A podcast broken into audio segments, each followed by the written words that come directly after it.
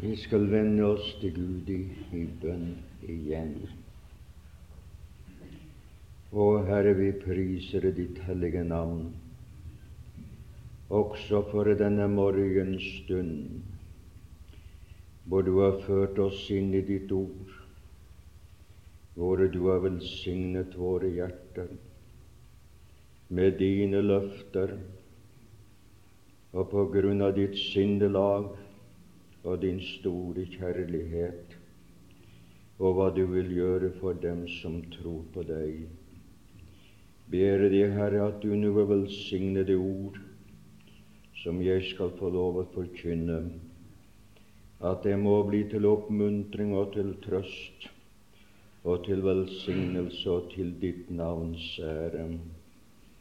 Hør oss, o Gud, for din elskelige Sønns skyld. Amen. Når jeg tenker tilbake på de snart ti år jeg har fått lov at hatt den glede å besøke denne menighet, det er straks ti år, så er det én ting som har slått meg, og det er det at hver eneste bror som jeg har hørt har avlagt et vitnesbyrd her, har gjort det så klart og så dypt vitnet om dypt innsikt i Guds ord, så det har frydet mitt hjerte. Og jeg har ikke kunnet annet enn ønske Gud, det var mange menigheter med det lys og med den innsikt i ordet som denne menighet har. Og jeg har nesten følt det slik at når brødrene har vært oppe og vitnet, så har de så meget lys i Guds ordet at de kunne ha undervist mange predikanter. For det er mange som reiser omkring i landet, som har trengt og fått den innsikt som vennene har her. Gud signe dere, yngre så vel som eldre.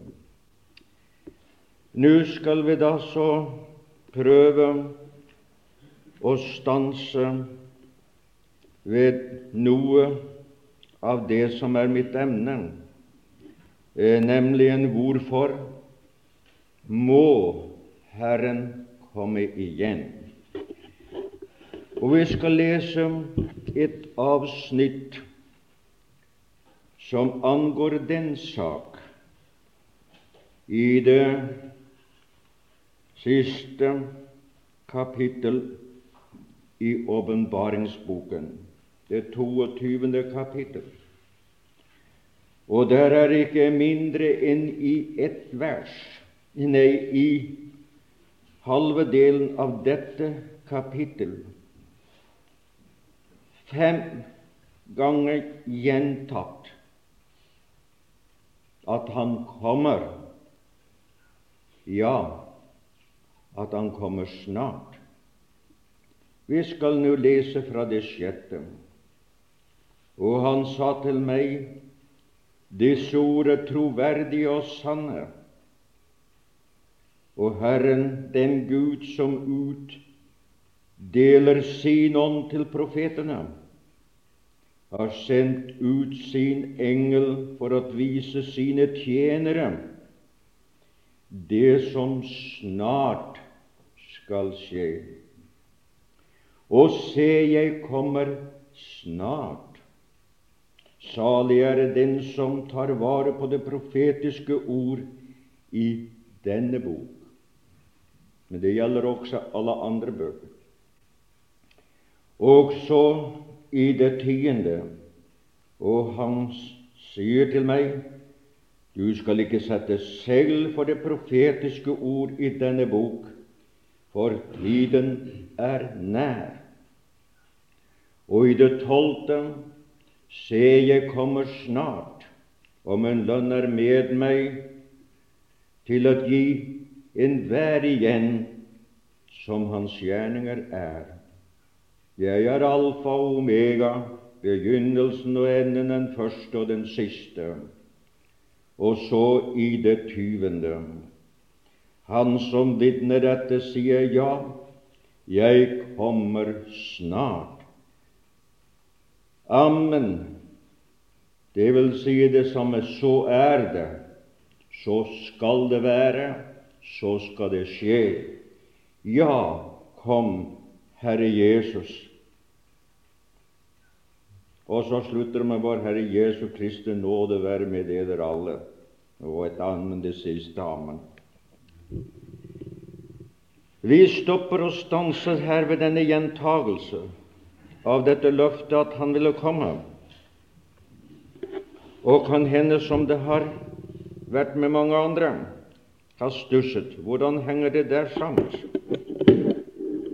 Nå er det jo gått over 19 år, han er ikke kommet. Og han sier 'Jeg kommer snart'. Broderen var inne på grunnen hvorfor han tøvede. Han vil jo at alle skulle bli frelst hvis det var mulig, eller så mange som mulig. Og det er jo hans kjærlighet som der gjør at han dryger. Men så er det tidspunktet, da. Hvordan skal man forstå det? Jo, Herrens tidsregning er ikke den samme som vår. Vår Herre ser ikke på klokka og ser ikke etter kalenderen hvilken det er. Og vi får rede på i Guds ord like som hvordan Han regner dagene, i det minste slik at vi mennesker skal få en anelse om. For ham er jo evigheten som ligger foran, og evigheten som ligger som er passert, alltid i nuet. Så det er ingen forskjell på det for ham. Men det er dette at en dag er for Herren som tusen år.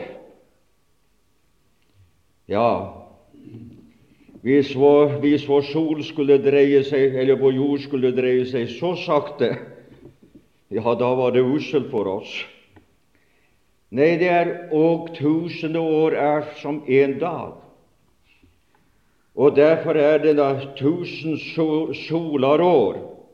Det er bare for å gjøre det anskuelig for oss som en dag for Herren. Og nå er det jo slik det jeg kommer snart, når, og det er sett ut fra Guds synsvinkel. Snart det regner man det som skjer i løpet av to eller tre dager. Går det over lenger tre dager, så sier man ikke det snart. Og nå har det gått nesten to dager siden at han ga løfter, så han er innenfor sitt løfte at han kommer snart. For oss som ser det fra jordsiden, synes vi det lenge, men fra hans side så holder han ord det er ikke knapt to dager ennå siden han ga løftet, og inntil han innfrir det. Vil jeg ha bare dette for som å si at vi skal forstå.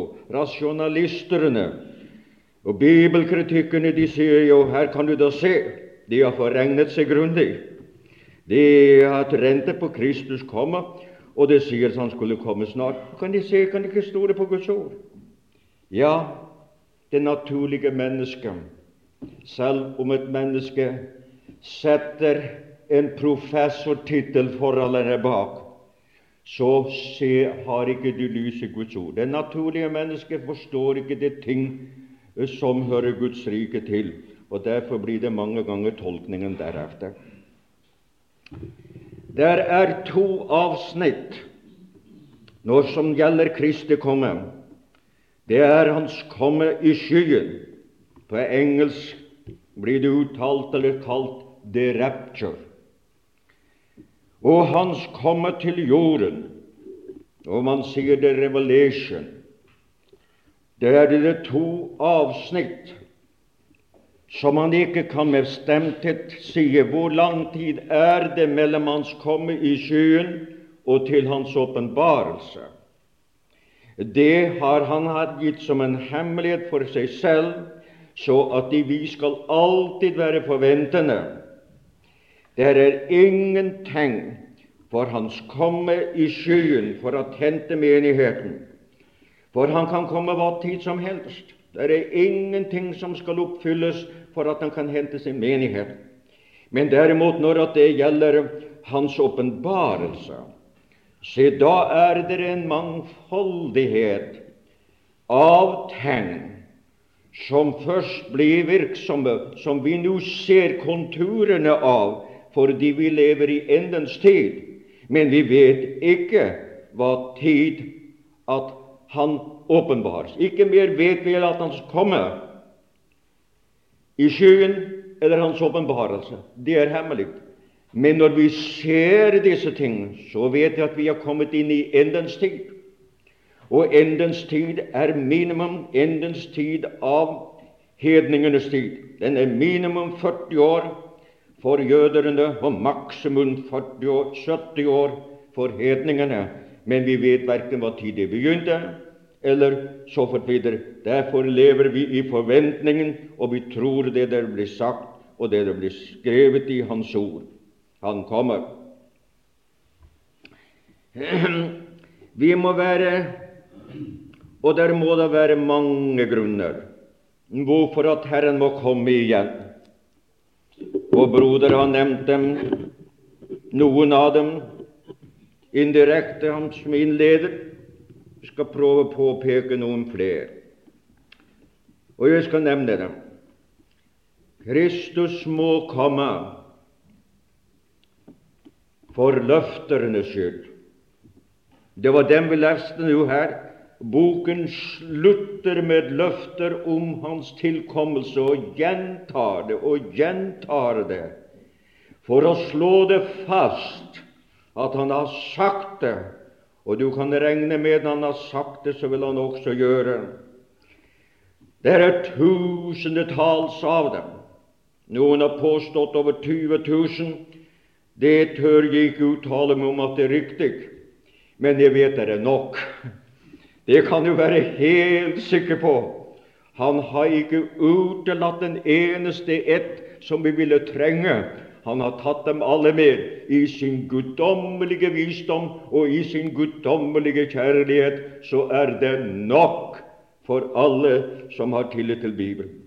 Det gir nemlig en trygghet å få slike løfter når du vet en gir deg et løfte som du har tillit til så går det jo ikke å tenke seg Mon tro, mon tro, kan jeg nå være sikker på det?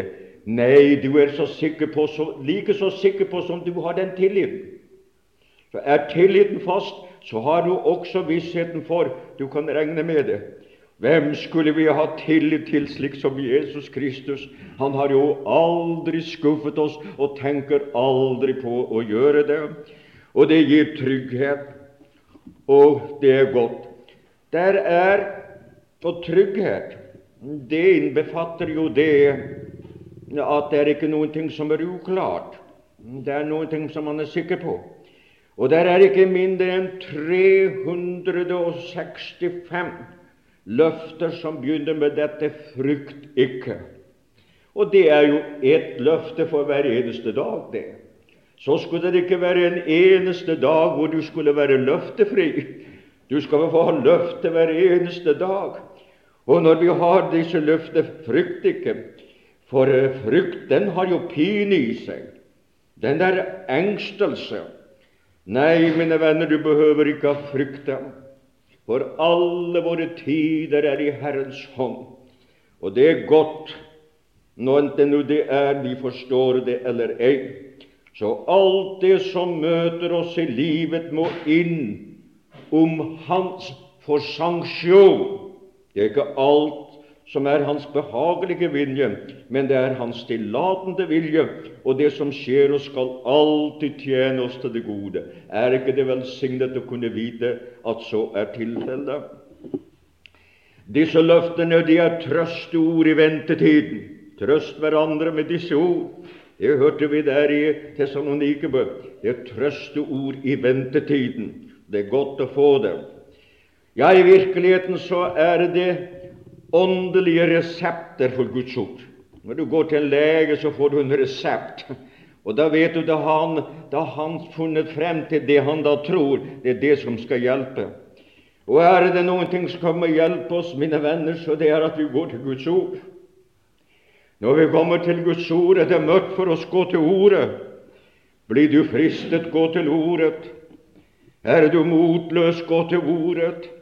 Er det noen ting ikke du står, forstår, gå til Ordet.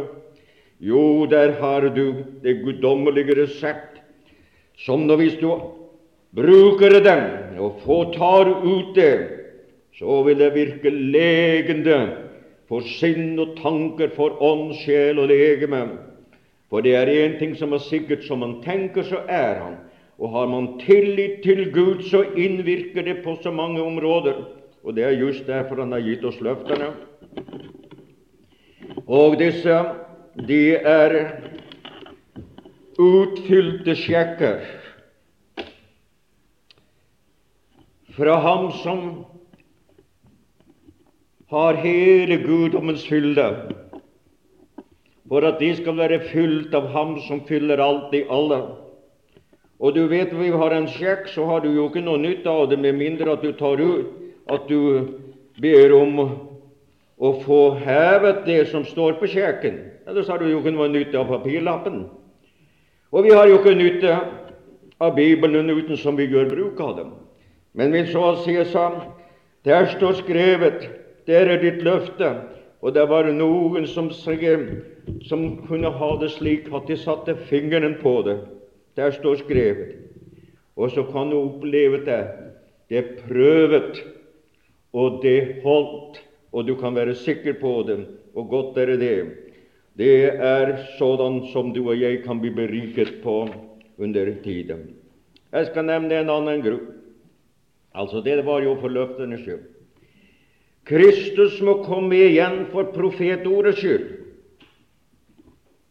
Det var jo det vi leste der, for han sa det, gjentatt det til og med så å si fem ganger i et kapittel. Og så er det, Men det var bare dem. Det er intet tema i Bibelen som er så ofte og så grundig og så allsidig berørt som just det profetiske ord. Det profetiske ord. Men det er heller ikke noe annet emne som er så lite talt over.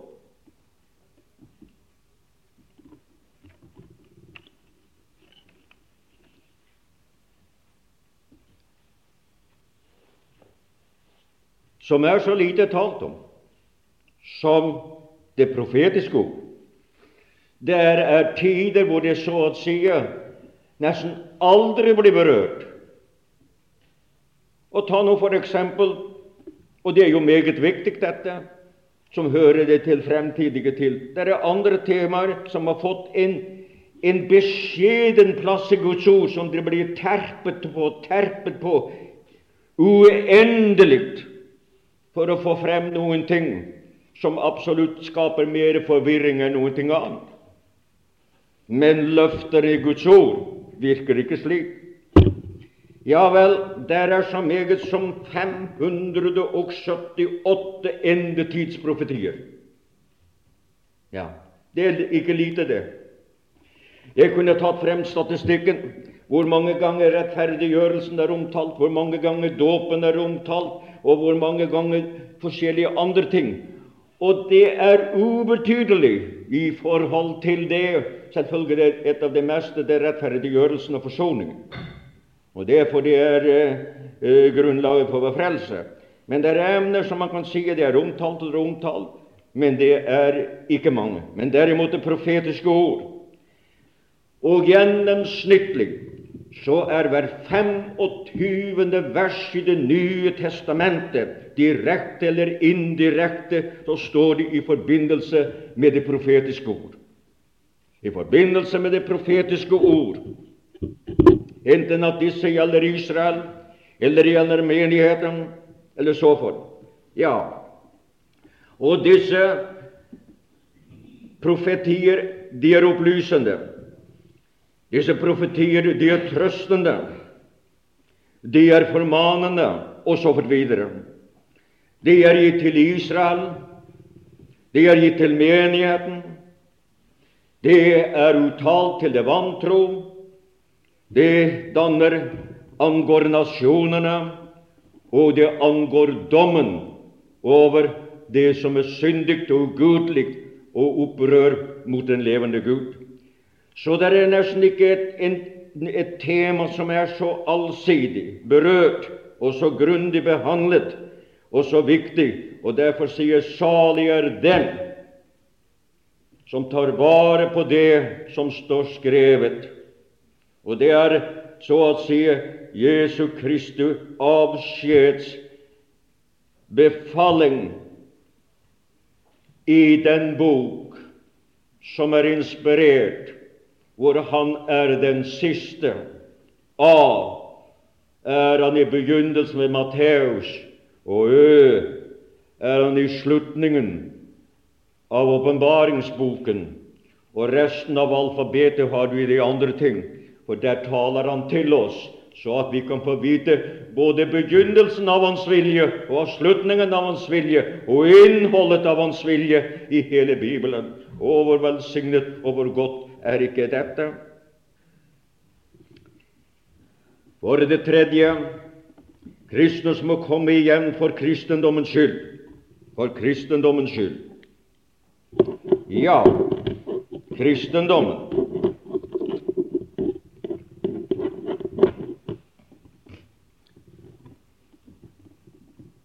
Himlenes rike er ikke menigheten. Men menigheten har en plass der i ventet i, under budskapet om ventetiden. Himlenes rike er for begynnelsen lignelsene f.eks. om, om tilbudet om kongen, forkastelse av kosten, kongen, Tiden som går da han er borte, og når han kommer tilbake igjen. Og de som da aksepterer den himmelske ideologi, for det er den som skal bli rådende i riket. Det er dem, og det er navnkristendommen, som så å si har tatt det opp. Nei, det er de kristne som har tatt det opp. De troende og de frelste, som tror på ham både som frelser og som, som Messias, og venter på ham i ventetiden at han skal komme. Og så er det kristendommen som har akseptert i navnet uten at opplevet frelsen i Kristus Jesus. Kristus må komme igjen. Og hvorfor må han komme igjen? Og han må komme for å skille klinten fra hveten. Og det er meget som kalles kristendom, som kan synes ekt uten å være ekt. Har man ikke livet i Gud, så er det ikke ekt. Klinten ligner meget. På dansk kalles det raigress. Og det er meget farlige åkre. Men det går ikke an for at de skal plukke ut den og henne og si ja, det er frelst, og den er frelst. Det får vi overlate til vår Herre. Han har sine allesteds, men det er ham til å skille det mat. Og han skal skille det gode fisk. Det står jo det råtne fisk. Jeg har vært så meget fisker at jeg vet at jeg har aldri fått råtne fisk. Det er ikke noe. Hva betyr det? Det betyr fisk som jøderne ikke hadde lov til å spise. Dårlige fisk etter deres betraktning, ikke fordi det var råtne, men fordi det var forbudt. Og hva slags fisker var det? Det var sånne fisker som var så pen på utsiden, så har nesten ingen skjell og sånn at du kunne legge dem på panna med det samme. De var tilsynelatende gode nok. Men de spiselige som Israel skulle bruke, de hadde skjell. De måtte ribbes for sin stas. Og sådan, mine venner, er det. Det er dem som har blitt ribbet, som har blitt avkledt, som har sett sin egen intethet, som har frelse som nåde. Disse er det Hans sanne menighet, som har opplevd Hans inngripen i deres liv, så de har blitt noe annet enn det var før. De andre har det på utsiden. De troende har fått det på innsiden. Der er forskjellen. Og han skal skille dem at, og det er tiden at han kommer. Altså for kristendommens skyld.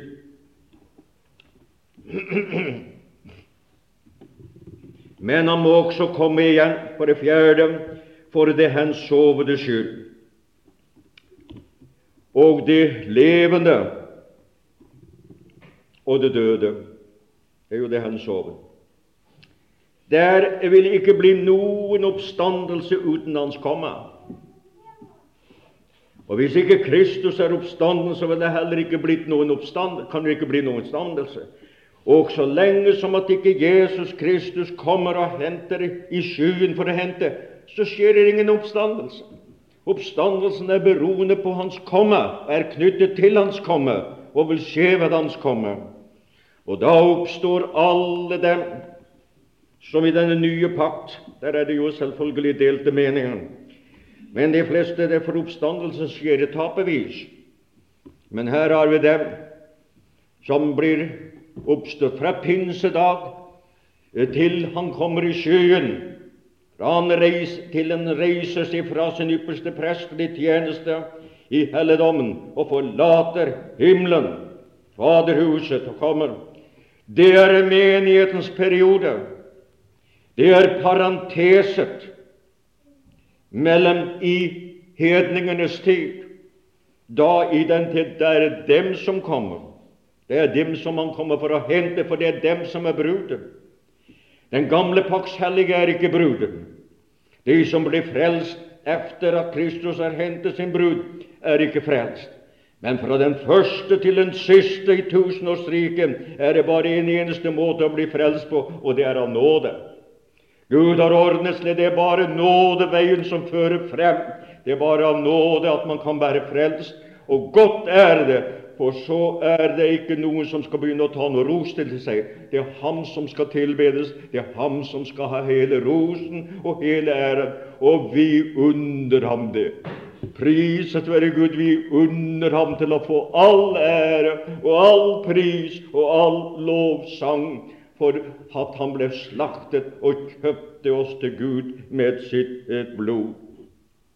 Ingen oppstandelse av det døde og ingen forvandling av de levende uten at hans kommer. Derfor må han komme igjen for at dette kan skje, og inntil det så beror det. Innen i den tiden er det, ligger de døde, hensovede, i jordens skjøt, deres jordiske legemer men deres ånd er hjemme hos Herren. Og det står Paulus at han ville heller fare herfra og være hjemme hos Herren. Og uh, hvor er han da hjemme? Han er på tronene nå, og han kommer sine i hu. Å være hjemme det er der hvor Jesus er.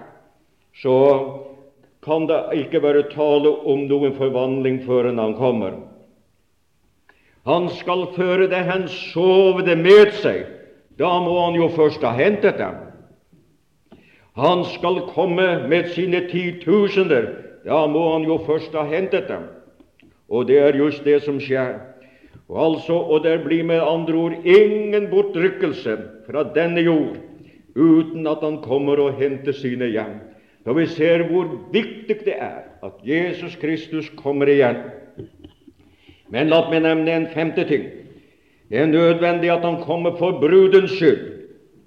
Paulus sier, 'Jeg har trolovet eder med ti jomfruer.' Fem, da. Har du lest det noe sted? Ja, men du verden så mange som preger det. Vi skal få ha noe viktig å si i kveld. Så du må gjerne sladre og si til dem Kom og hør. For jeg tror at det kan være Ja, dere vet så meget, så jeg vet ikke om at det kan bli noe nytt. Jeg kan fortelle det. Men i alle tilfeller så, så vil det være for noen mennesker en meget nødvendig nyhet og sannhet å få høre og få det belyst fra flere sider. Og jeg tror Gud kan hjelpe meg til det. Nå ja, det var altså dette. Ingen bortrykkelse før han kom. Altså for brudens skyld. Jeg har trolovet eder med én mann for å fremstille én ren jomfru og Kristus. For brudens skyld må han komme. Hun har lovet ham trosdag i all sin skrøpelighet, i all sin verdighet, og så ofte som om man måtte nådens trone for å finne nåde og få hjelp til rette tid, så må hun, så har hun da lovet hans troskap, tro mot ham. Derfor sier hun vel til verden. Og han, ja, hele Bibelen er full av hans løfter til henne. Å, dere som meget hva han har sagt, hvor høyt han elsker henne, hvor meget han har gjort for henne, hvor meget han skal gjøre for henne, hva hun skal få oppleve når hun kommer og er sammen med ham. Å, det er sådan det ene efter andre er større eller større. Hans løfter, og han er tro som ga løftet, hørte vi, og det er velsignet å vite det. Du kan stole på ham i alt. Men det er nødvendig at han kommer for brudens skyld. Hun må, må gjøre det. Ellers blir det en skuffet brud. Og det vil han jo slettes ikke skuffe sin brud. Så må jeg spørre deg, er du med i brudeskaren?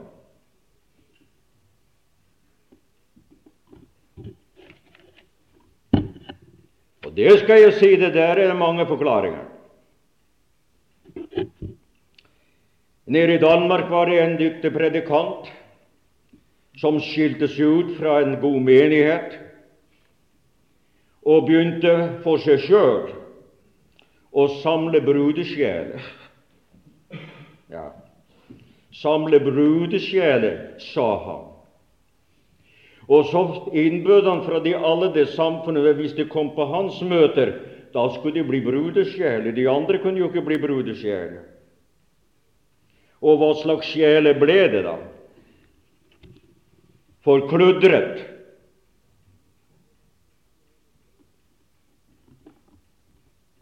partiske. Så når de kom til sine menigheter rundt omkring i byen, så var de ikke til å ha med å gjøre. Det var resultatet av forkynnelsen. Og når man forkynt slik, så ble det også deretter. Nei, du, en brudesjel Brudesjelen Ja, hvem er vel bruden? Det er jo menigheten. Noen sier Israel, men Israel er hans atskilte hustru, som igjen skal bli tatt til nåde. Menigheten er Kristi legeme. Menigheten er hans brud. For legemet er menigheten, og bruden er menigheten. Det er helt sikkert. Og det er alle dem som har Den hellige ånd. Det er alle dem som har tatt imot så mange som tok imot ham.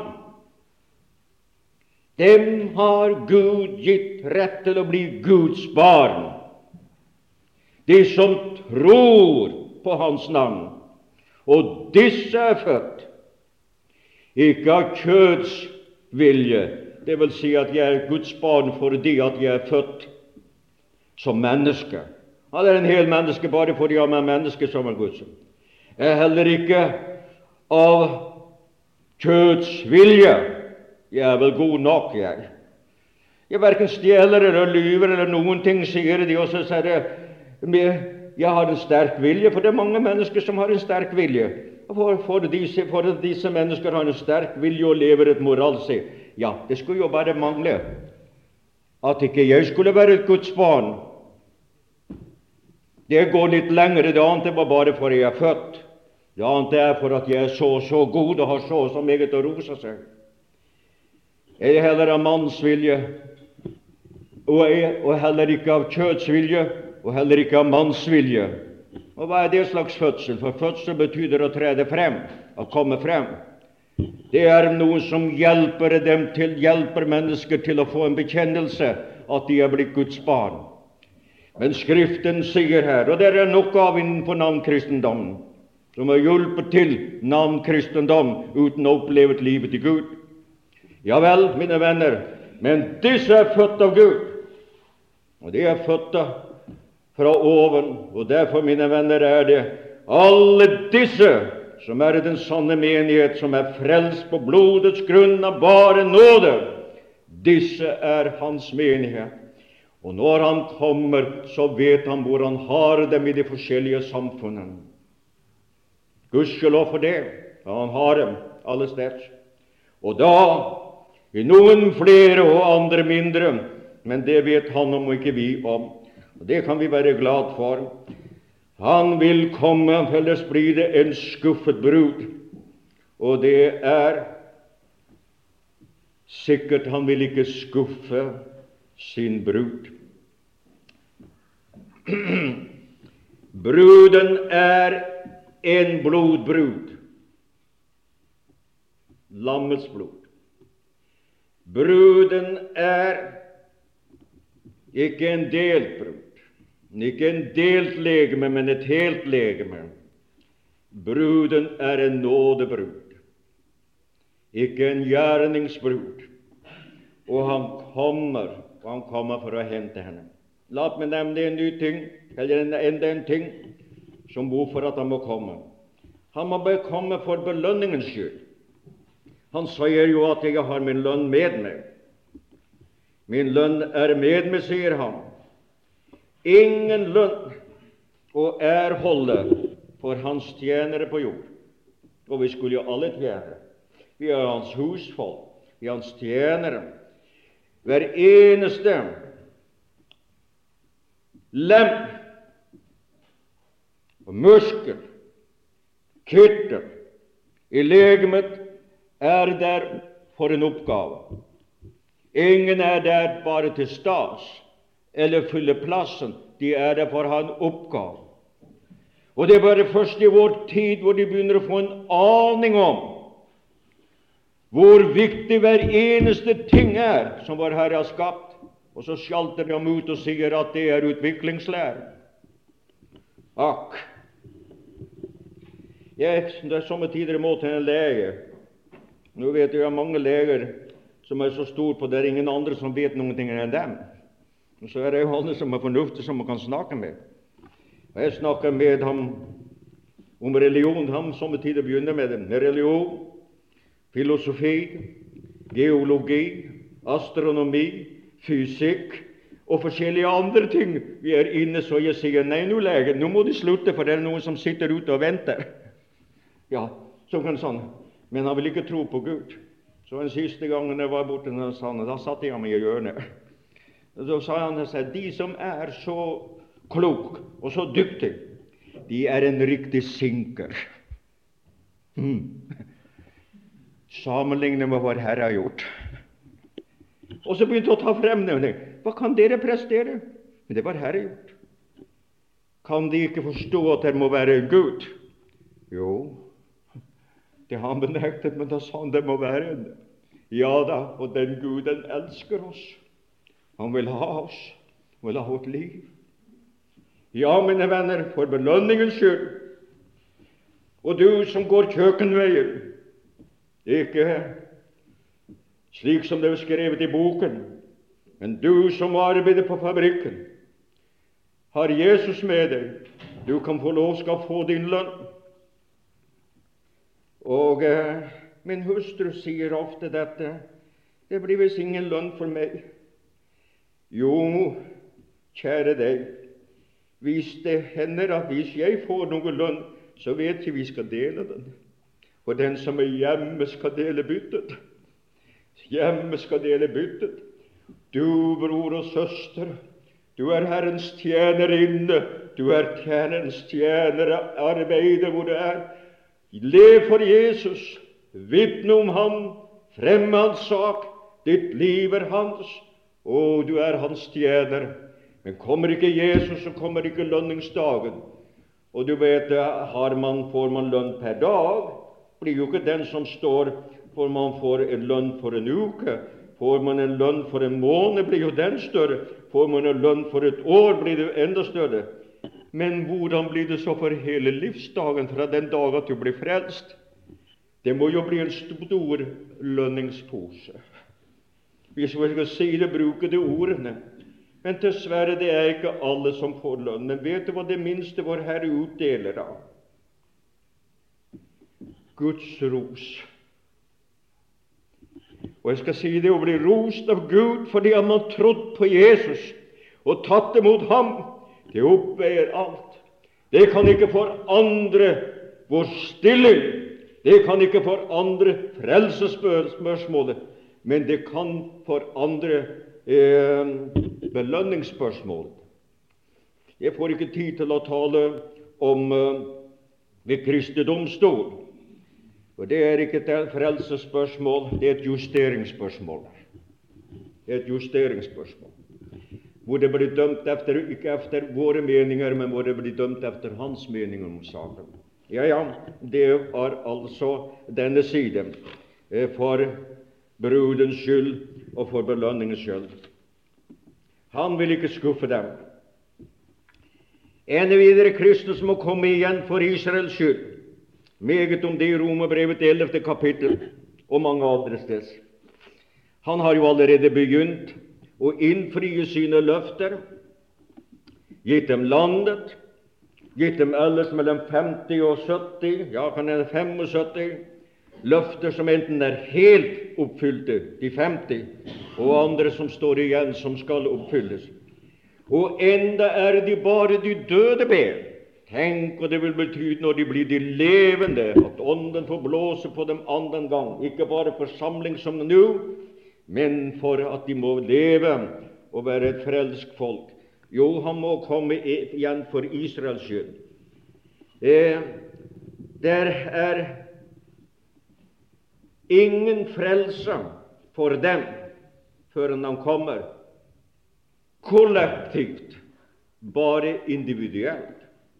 Det er ingen sann fred for dem før han kommer som fredsfyrste. Men da er vi i åpenbaringstiden. Nå tar jeg dette med både det som hører til eh, hans komme i skyen, og hans komme og hans åpenbarelse. Så det jeg nå nevner, står i forbindelsen med hans åpenbarelse.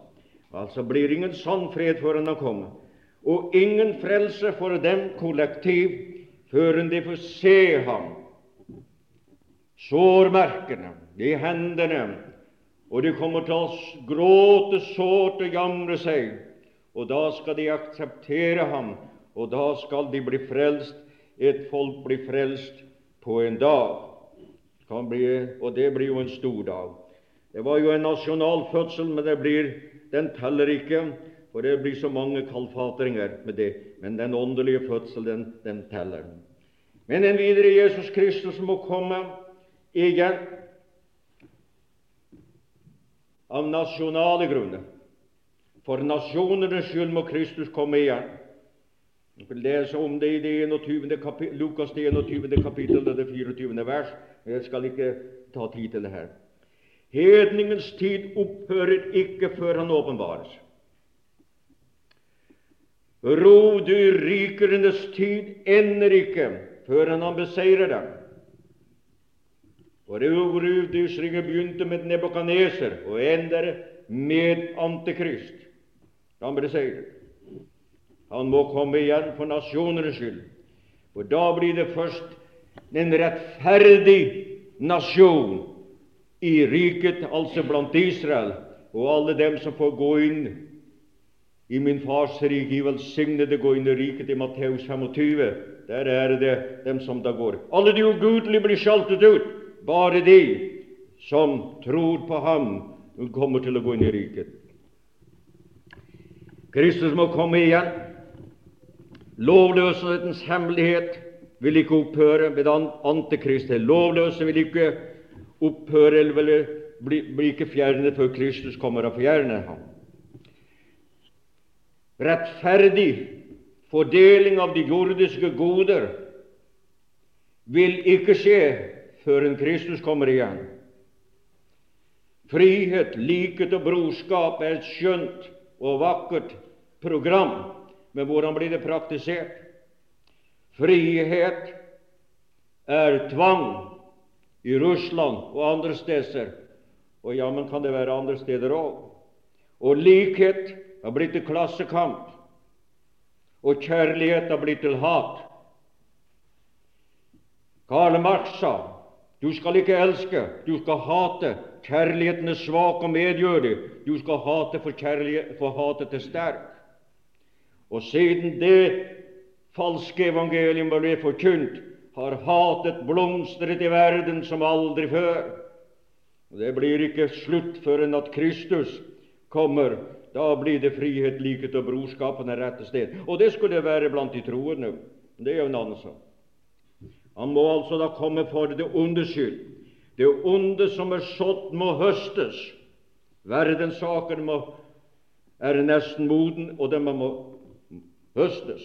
Synden må straffes på dem som ikke vil ta imot frelsen, for Gud er en rettferdig Gud. Antikristtid må, eller antikristen må straffes for hans fryktelige gjerninger og fordi at, han, at menneskene har tilbedt ham og djevelen. Og djevelen han må bli bundet og fengslet. Derfor må Kristus komme igjen. Det finnes ikke noen annen mulighet. Det er ikke noen vei å komme forbi det. Menneskenes bestrebelse viser seg for alltid å være uduelig. Jeg får ta kan hende enda en liten smule til. Han må komme igjen for skapningens skyld. Det er, den, det er meget viktig, det, for skapningens skyld. Det var den tiende. Ellers slutter ikke sukkerne. Hele skapningen sukker og er i smerte inntil nå. Ja, til og med vi som har Åndens første grøde, Kristus, vi sukker. Sukkene, det er til og med dyrene sukker og gråter jeg har sett kjør hvor tårene trillet ned av deres øyne, for de visste de skulle slaktes. Og jeg har sett hvordan hester, hvordan de har visst en tydelig tegn. Dyrene forstår meget mer, for ikke å snakke om hunder og andre ting. Forstår. De er redd, de frykter, de sørger, de gråter. Å, når at Han kommer og skal det skal bli annerledes. Guds barns herlighetsfrigjørelse. Han må komme. Han må komme for fredsrykets skyld. For hvis ikke han kommer, blir det ikke noen fredsrike på jorden. Ingen meldelig folkelig forståelse, for det som de arbeider nå, bare fyrer til antikristriket. Det er det som det, det bærer hen imot. Derfor må Kristus komme igjen. Ja, nær sagt å vil slutte dermed. Han må komme for den treenige Guds skyld.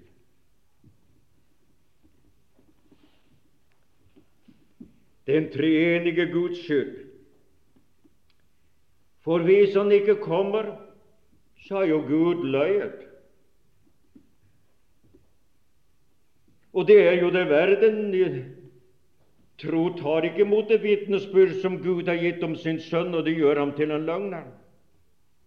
Det er dem som gjør han til løgner. Men hvis ikke han innfriet sine løfter i tusendetalls som han er gitt ved Kristus, formedels Kristus, så ville han, så for hans skyld. Men nå det, vi har en, det er en hovedsak at vi har en sådan ypperste prest som satte seg ved majestetens høyre og lever og går i formen for oss. Gud hviler i det fullbrakte verk, og det står i forbindelse med fullendelsen, med frelsesverket ved Hans åpenbarelse og det som da skal være. Kristus hviler i sitt fullbrakte verk. Og vet at det holder, det gjelder, det er effektivt, og han kommer til å fullføre det siste, det som skal skje gjennom tusenårsriket og så fortviger Og du og jeg, vi må få lov å hvile. Hvile på at blodet, det renser fra all synd. Hvile på at Ånden vitner med vår ånd at vi er Guds barn. Hvile på dette at Han er trofast som ga løfterne. Ja, mine venner, vi kan hvile i nåden, og der hviler vi trygt. Gud signe dere venner. Og er du ikke ut, er du utenfor samfunnet, vet man, søk ham. Kom til ham i dag, slik som han er, og du skal oppleve at han gjør det til en nyskapning i Kristus Jesus. Gud signe dere alle. Vi takker deg for det levende ord. for det løfterike ord, for det som har gitt oss. Der har vi din kjærlighetserklæring. Der har vi anvisning på livsferden. Der har vi fremtidsmulighetene omtalt, og landet beskrevet, løftelandet beskrevet. Der har vi alt. Og vi sier deg takk for en slik bok, med et slikt innhold, med slike muligheter, for du står bak ved dem, og du innfrir det så tilber vi deg, så priser vi deg, o Gud, for Jesus skyld og i Jesu navn, og sier deg takk for alt. Amen. Thank you.